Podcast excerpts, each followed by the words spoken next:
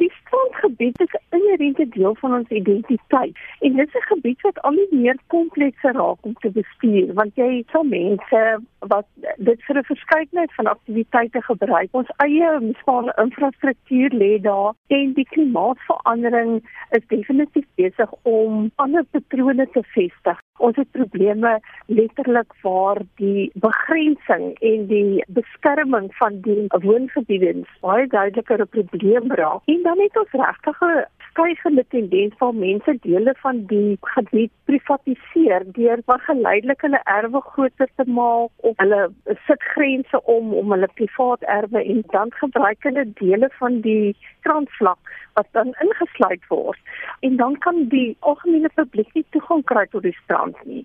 Van waar die fokus op onbetaamlike gedrag soos vloekery?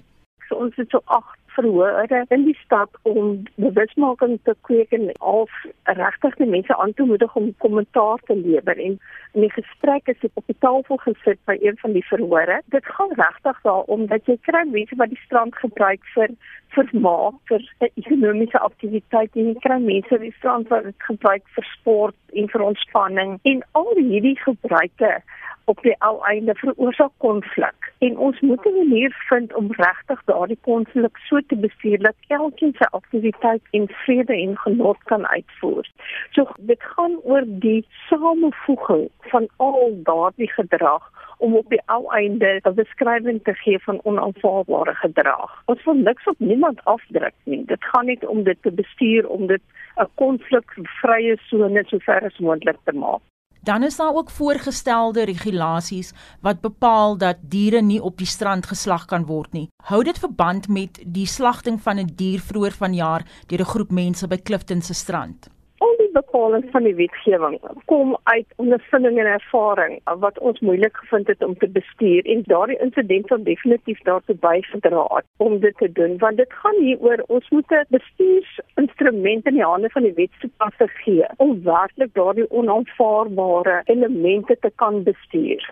Vertel my 'n bietjie van die openbare deelname proses. Tot wanneer het mense nog tyd om hulle kommentaar in te dien en waar kan hulle dit doen?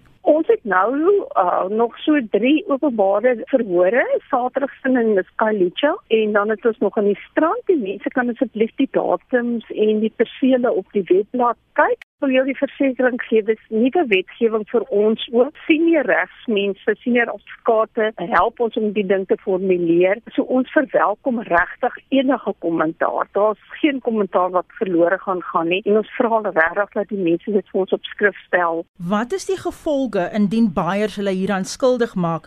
Gaan hulle verwyder word? Gaan hulle boetes opgelê word? Wat hou die gevolge in? Die normale gebruik by wetstoepassing is mos maar net hulle kennisgewing dien en dat afhangende dan van die aanvaarding en die uh, skulderkenning van die persoon sal dit noodwendig op vervolging en howe uitloop.